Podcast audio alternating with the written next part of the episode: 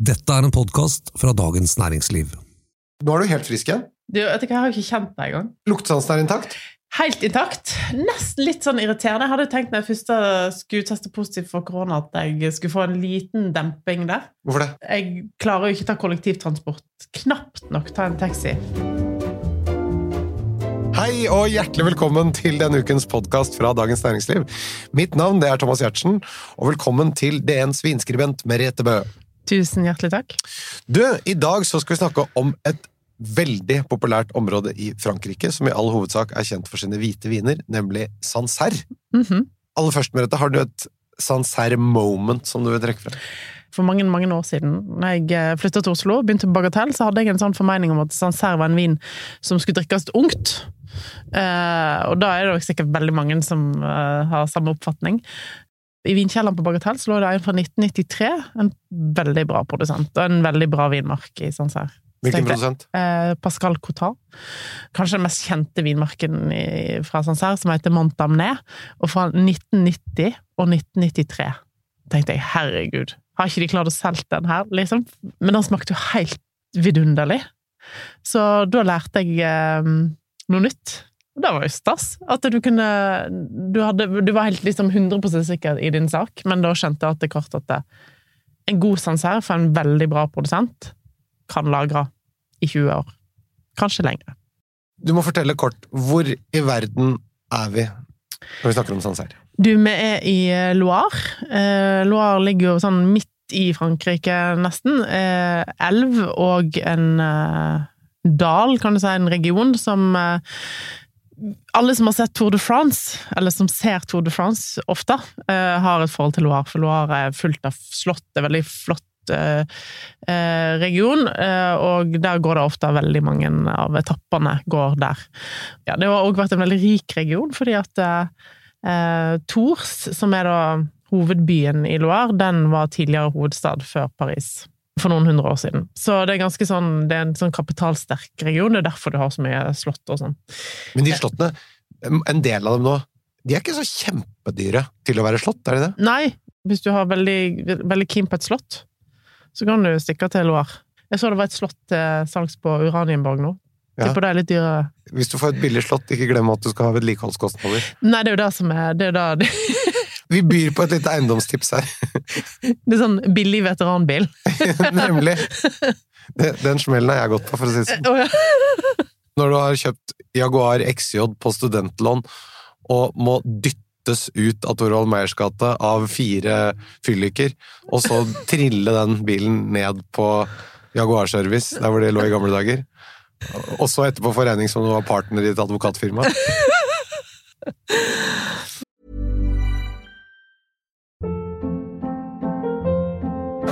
Hold up. What was that? Boring. No flavor. That was as bad as those leftovers you ate all week. Kiki Palmer here, and it's time to say hello to something fresh and guilt-free. Hello Fresh. Jazz up dinner with pecan-crusted chicken or garlic butter shrimp scampi. Now that's music to my mouth. Hello Fresh. Let's get this dinner party started. Discover all the delicious possibilities at hellofresh.com.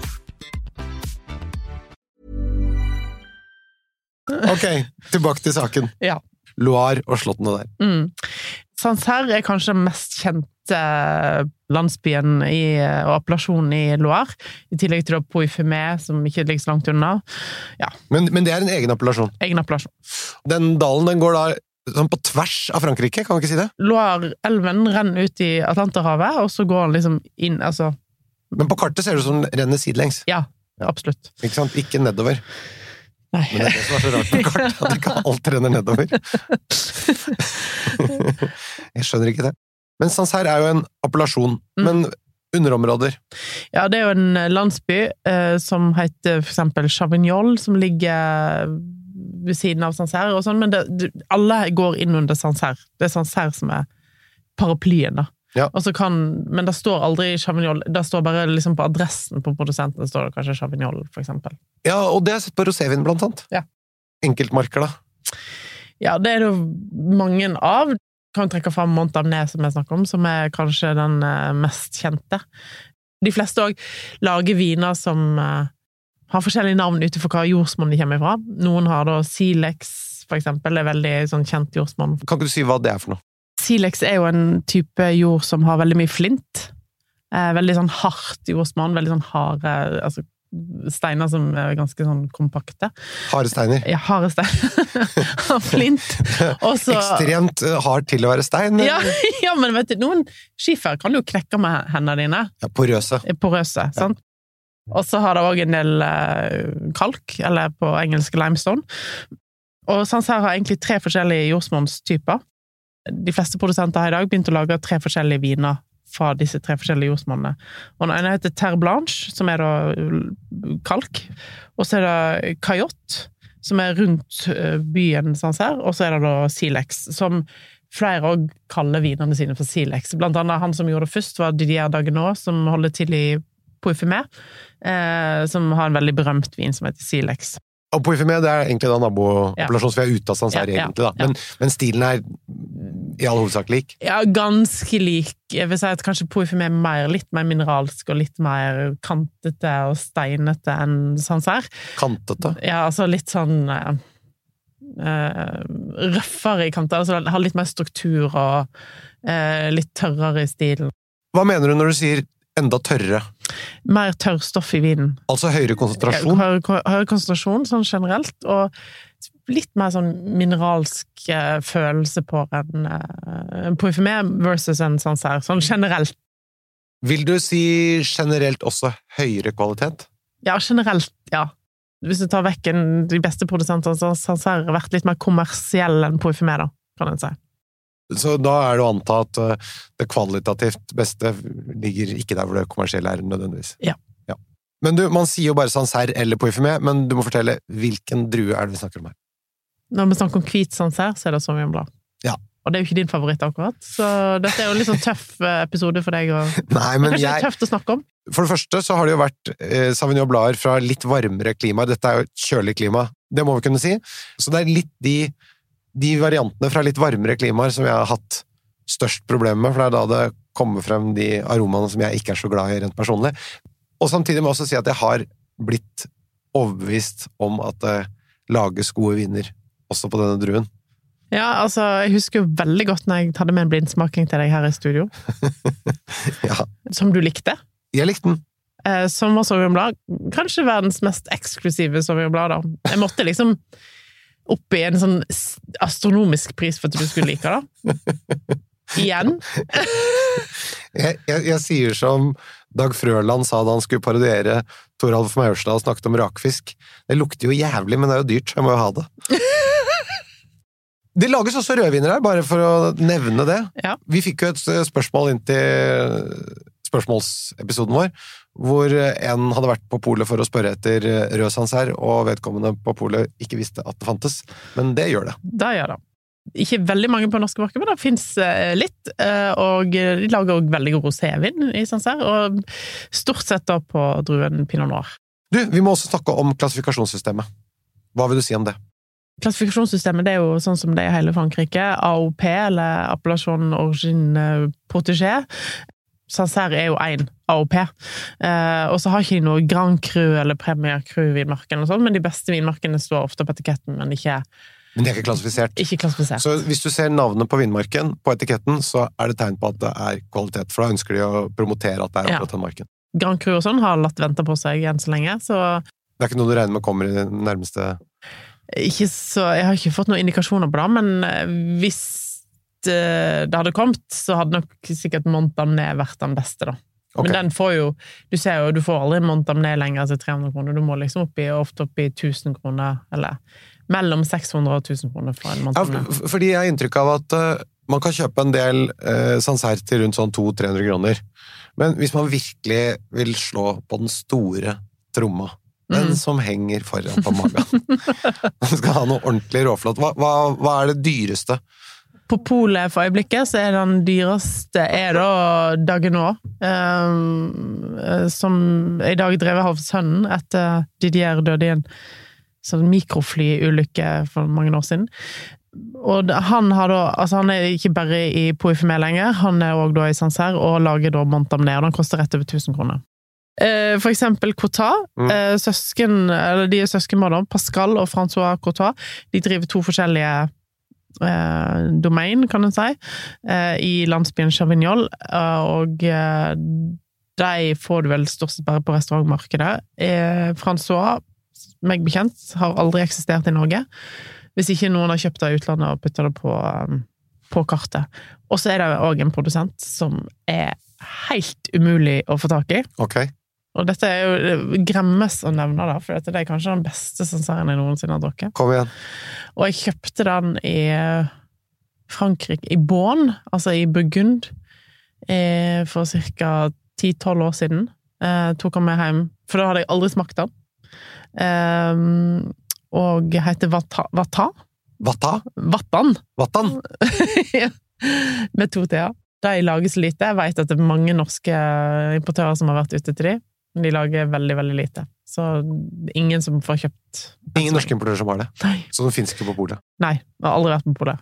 Dette er sånn Patek Philippe. Førstehåndsmarkedet er sånn Han ligger på en pris på sånn 50-60 euro på Ja. butikk, hvis du er så heldig å finne han på en butikk. Annenhåndsmarkedet er sånn 3000-4000 Oi, oi, oi. for en sanser. Men du, man kjenner jo at det rykker i det urbane jaktinstinktet. Hvor kan vi få tak i den flasken? Men du, i dag så fokuserer vi altså på de hvite vinene fra Sancerre, og Merete, du skal som vanlig komme med anbefalinger på de beste kjøpene, og alle vinene de ligger alltid i episodeinfo. Vi har jo vært litt innom dette, men la oss gå litt grundig til verks på karakteristikken av hvitvin fra Sancerre. Hva kan jeg forvente av en kvalitetsprodusent? Du kan godt få lov til å ta med naboappellasjonen på Yfimé også nå. Det, som skiller de mest kommersielle, da, det er den, de mest kommersielle er den stilen som du ikke er så glad i. Det lukter ofte litt sånn kattepiss og eh, solbærblad og nesle og, og, og sånn. Eh, og blir veldig fruktige og lette og eh, skal ikke lagres og skal drikkes ungt og sånn. Eh, Men de beste får mye mer sånn mineralsk karakter og er steinete, og du kan kjenne forskjell på Selv om dette er veldig omdiskutert, så kan du kjenne forskjell på hvor de kommer fra. På jordsmonnet? Ja. Ja, men vi har snakket om det før, og du er også åpen for at gjærsoppen i de ulike kjellerne påvirker hvordan stilen blir i de ulike appellasjonene. Jo, men uh, her har du jo for eksempel laga en for kalk, en for kalk, en for silex, en fra uh, Og det, de smaker og lukter jo veldig forskjellig. Jo, men kan man tenke seg at den gjærsoppen som er i den ene kjelleren, er annerledes enn Ja, men det er enn samme kjeller. Og det er samme kjeller, ja! Ja. Nettopp, ja! Ja, da blir det Så dette er et ganske godt eksempel på at jeg, jeg tror at uh, Ja, men her er vi ved noe interessant. Ja. fordi, fordi jeg har tenkt at også at de gjærkulturene som er i de ulike kjellerne, i de ulike appellasjonene, også kunne ha en påvirkning, enten det er i Burgund eller, uh, eller her. Selvfølgelig men, altså har det det. Eh, Men, eh, Og, men og at man kanskje, ettersom det er så innmari mange valg å ta når man lager vin, at man tar en god del valg som ligner på de valgene som de andre i samme appellasjon tar, og Mm. dermed så vil summen av de valgene, inkludert gjærkultur, påvirke stilen, og, og at man da tilskriver de valgene egentlig jordsmonnet. Mm. Kan det være et element av det? Selvfølgelig. Eh, veldig mye sånt, tror jeg. Eh, men eh, Og stort sett så har en jo bare ett jordsmonn å jobbe ut ifra. Sant? Mm. Eller, det er litt feil å si, men hvis du er en produsent i Burgunder, så er det litt variabler fra vinmark til vinmark, men det er jo ikke kjempestore. Det er jo ikke plutselig masse grus og ingen kalk, eller Ja. Så, så eh, det er små nyanser, men i Sancerre er det mye mer større nyanser i forhold til jordsmonnet. Her er det en vinmark som kanskje bare har limestone, en som har silex, en som har kajott. Jeg synes Det er veldig interessant at du sier det med at det er laget i samme kjeller. Mm. Det betyr jo at det er samme, samme gjærkultur som er der, i hvert fall. Ja. Og så vet man jo ikke om de gjør ulike valg eh, i vinifikasjonen ellers, da. Det kan jo hende, men altså, du Jeg tror ikke de har så Jeg tror ikke de bruker de samme fatene kun på silex hvert eneste år, altså, hvis du skjønner. Altså, de Ja. Ja. Men det vet jeg Nei, ikke. her må noen gå mer vitenskapelig til verks, for dette må jo kunne gå an å finne et svar på. Ja, altså Terroir. Det er jo en grunn til at terroir er et begrep, tenker jeg. Det Ja, men det, men det er jo også en kommersiell dimensjon med det, fordi at det er jo det er jo et av den gamle vinverdens hva skal vi si for noe, beste våpen i kampen om det kommersielle med nye verden, og si Vet du hva, det er et jordsmonn her som dere bare ikke kan konkurrere med. Alt dere gjør, det er eh, Det er fantastisk. Ja. Men det, er, men det er en ferdig diskusjon. Dere kan være så flinke dere vil, men dere har ikke den jorda vi har. Ja. Så det må, det må jo være et element, tror du ikke? Ja, men alle har jo et terroir, da. Det er sant, Det er men terroir på Sankthanshaugen òg. det, det er dårlig drenert, Ja. men ja. Men den terroir-diskusjonen kan også være preget av kommersielle interesser. Det er mitt poeng. selvfølgelig.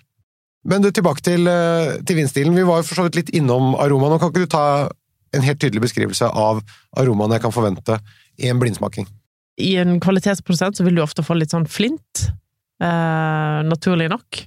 Eh, du vil ha ferske, grønne epler, våt stein, som er også et omdiskutert begrep. Eh, kanskje litt sånn nesleaktig, litt solbærblad, men ikke så eh, outrert og aromatisk som du vil få de liksom rimeligste stilene. Ja, for jeg, jeg synes, bare for å skyte inn, ettersom jeg jo har vært litt negativ her, jeg syns jo at de aromaene der er ganske dempet og ikke så lett å få tak i i en kvalitetsvin lagd på Sauvignon Blanc. da.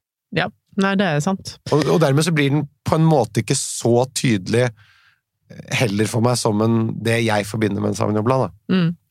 Så har du disse person, liksom personlig stil òg. Disse Cotat-søskenbarna da, lager jo liksom mer eh, opulent, eh, volumiøs stil. Altså litt rikere, smaker mer, og ikke så mye finesse, da, eller? Jo, eh, absolutt, egentlig. Altså, av og til så gjør ikke de helt tørre heller. De er litt sånn ja ja, Å ja. Eh, Det var ni gram sukker. Shit happens. Eh, Som er litt sånn uvanlig, sånn her, da. Men så er det andre igjen, da, som er ekstremt mineralske og steinete, som Claude Riffaut, for eksempel, som er Jeg vil si eh, Pris versus kvalitet. Kanskje den beste produsenten i hele Sancerre. Eh, fordi de koster ikke så mye. De koster sånn 300 kroner.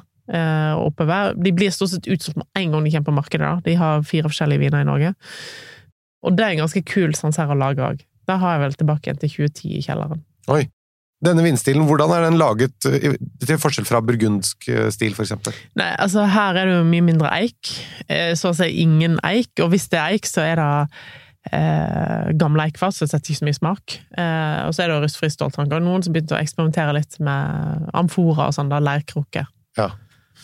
Men, men, men eh, den fedmen som du får i, i Burgund, for eksempel Den får du ikke her. Eh, nærmeste du kommer, er kanskje Cotas sin stil, som er litt sånn har litt krem av feeling, men uten at det, det er i nærheten av Burgund. Og den kremede feelingen, den kommer av Gamle eikefat, tipper jeg. Nå har jeg aldri besøkt de. Men er det ikke også noe med at det blir liggende på bunnfallet etter Ja. gjæringen, og du rører opp i det som heter batonnage? Ja, men ja, nå veit jeg ikke om de gjør batonasje, men det tror jeg ikke. Batonasje har flere og flere gått litt vekk ifra, for de har vært redd for at det er en av grunnene til eh, preox, altså tidlig oksidering av vinen. Så, så de gjør ikke batonage i Burgund heller?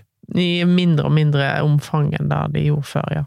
På 90-tallet var det veldig kult. 90- og tidlig 2000-tallet så gjorde alle batonage for å få mest mulig smak og mest mulig sånn kremer, men jeg tror flere og flere begynte å gå litt vekk. Ja, for det, det påvirker dels smaken, men også, Mm. også teksturen Mm. på vinen. At den er, føles litt sånn tjukkere, mer, nærmest litt sånn fløteaktig. Ja. Eller mot fløte. Men jeg tror det er veldig mange som de lager jo litt på bunnfallet for å stabil, stabilisere vinen, og for du gir den òg litt sånn um, Du får litt sånn tørrstoff i avslutningen, som er litt sånn fint. Men uh, jeg tror de fleste har slutta å røre rundt i bunnfallet, som er da batonnage.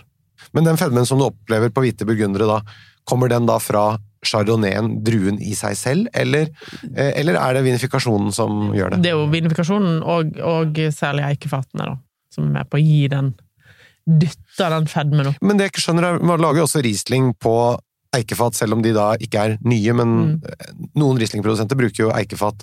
Men det gir jo ikke en fet vinstil allikevel. Kan gjøre det. Jeg syns Riesling blir feit og feit.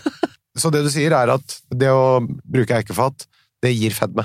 Ja, det gjør det, eh, selv om rekefatene er gamle, og du får litt mer sånn tilgang på oksygen, og eh, så, du har ikke samme kontrollen i et eikefat som du har i en rustfri ståltank, der du kan stille inn temperaturen akkurat der du vil. Eh, ja. Så den fedmen har ikke så mye med druematerialet å gjøre. Jo, jo, selvfølgelig. Altså, Chardonnay er mye mer krema druer enn Sauvignon Blanc og Riesling, som har mye sånn mer stikkende syre, da. Vi har snakket om det før, men lagring av disse vinene, så da anbefaler du da først og fremst kvalitetsprodusenter.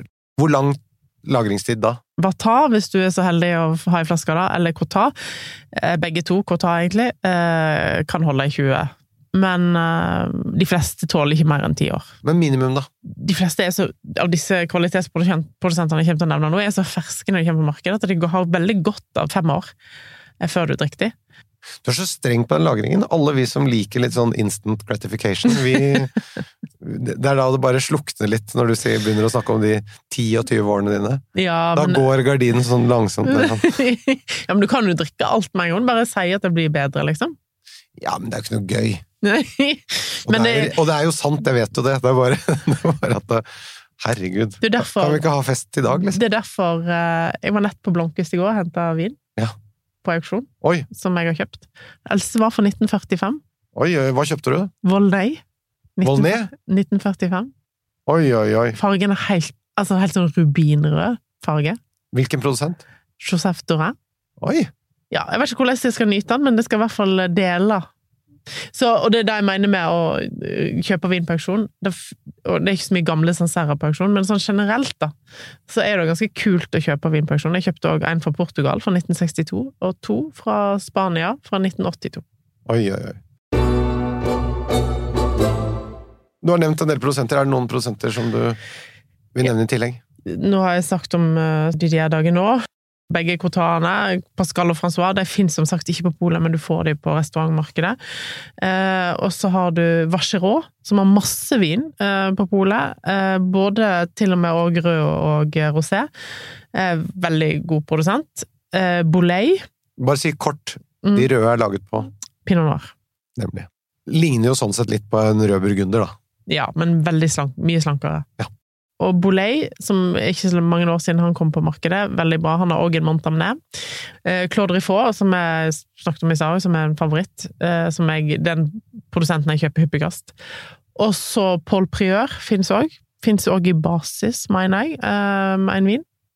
Og så har du Vata, som er umulig å få tak i. Men, eh, og den flaska den har sånn turkis liten etikett helt på toppen av flaskehalsen. Han har ingen sånn stor firkantetikett. Og sist jeg drakk han, var i 2019, i champagne hos Celos. Som jeg har snakket om før, eh, mener jeg. Eh, en produsent du kan bo hos, som har et fantastisk hotell og en fantastisk restaurant, og der drakk jeg Vata.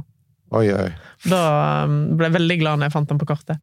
Hva slags mat har du spist disse vinene?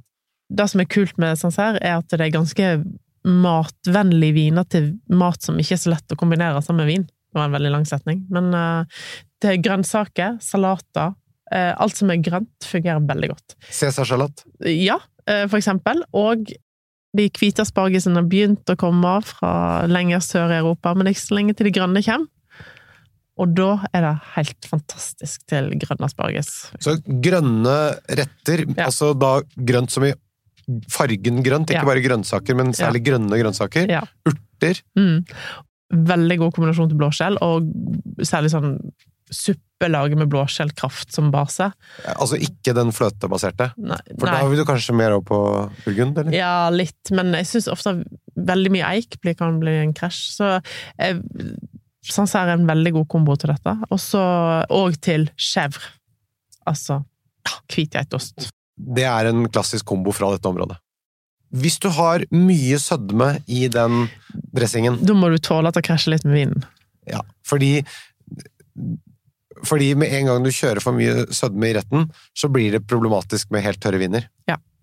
Eh, og det Ja, da vil jeg Men det er ikke så mange tilgjengelige som har litt sånn den rike stilen, da. Men altså, Cotat har jo litt den rike stilen selv, du, og da vil du få igjen hvis du lagrer den litt, og så vil han tåle honningen bedre enn han vil gjøre som fersk, da.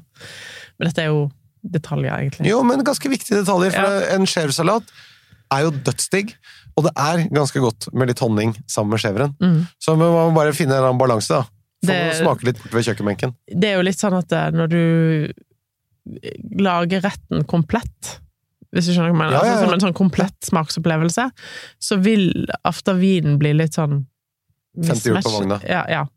Eh, Men hvis en lager retten sånn at den trenger den vinen, så vil den komplementere mye bedre. Men det betyr jo at man ikke skal gjøre for mye med maten, da. Nei. Altså holde det Enkel. litt enklere og cleanere, Mm. og la vinen få en, en funksjon. Ofte tre ingredienser syns jeg er en sånn magisk, dette har vi snakket om. Altså tre eller fem ingredienser, altså, men gjerne tre. Tre ting som er satt sammen På tallerkenen. på tallerken, Mm. er en, ofte en sånn magisk eh, eh, kombo som ofte funker veldig bra med vin. For en gang du putter den fjerde tingen til, som i dette tilfellet kanskje er honning, da, eller du putter en gelé eller tyttebær, eller altså alle disse tingene som er, har vins funksjon, krasjer ofte veldig med akkurat vin. Ja, men Når du sier tre ting, så, så betyr det egentlig da eh, nettopp så Du skifter på en måte sjanger. Du skal si at du har chèvren, som er osten, og så har du salat og grønnsaker. Grønne grønnsaker. Mm. Ja, ja. Det er én Ja, ting i dette bildet, er det ikke det? Og så får du nettopp den eh, sødmeelementet som ikke du har i, i grønnsakene. Mm. Hvis man syns det er gøy å lage mat, så har man så lyst til å gjøre mye, Mm. men det er jo less is more. Ja. Sancerre og chèvre, det er snart vår. Herregud. For en deilig måte å runde av den episoden på. Og så kan vi glede oss til det grønne aspargesen. Åh, til slutt, vi må klemme deg under 200 kroner også. Det kan ikke være helt umulig i dette området. Ja, Det er ganske umulig. Nei, men nå må du gi deg! Her klarer du det. Nei, altså eh, Ikke engang Prosecco til under 200 kroner greier du. Nei. Nå skal vi til det vonde punktet i denne, i denne podkasten der du skal klemme under 200 kroner. Du har jo prøvd utallige strategier for å lure deg unna, blant annet med å ta halvflasker, som du har gjort en gang. Da. Det var det frekkeste du gjorde. Ja. Det Da, det var halvflaske. det fins ingen hvite Sancerra under 200 kroner på polet. Hvis vi indeksjusterer, da. 250. Nei, da vil jeg kanskje trekke fram eh, to forskjellige, hvis det skal være under 250, og det er Henri Bourgeois Ja. sin Grand Reserve. En vin som finnes på veldig mange butikker rundt omkring i Norge. og Han er en ganske stor produsent, men, men likevel klarer å levere kvalitet, syns jeg. Og så er det en og, som heter Lucien Crochet, eh, som òg lager ganske bra Sancerre. Du vet hva jeg foreslår at vi gjør? Vi bare indeksjusterer i henhold til strømprisen, og så får folk velge om de vil ta seg en dusj eller drikke en god flaske vin. Ja. Har du spørsmål, send oss gjerne dem til vin.dn.no. Denne podkasten er produsert av Feelgood for Dagens Næringsliv. Takk for i dag, Merete. Vi ses igjen allerede om en uke. Jeg gleder meg allerede. Takk Lige like måte. Du skal få en kasse Romania Conti av meg hvis du drar opp en dag på Gardermoen når det er ordentlig travelt, og lukter i armhulen Nei. på alle som er der.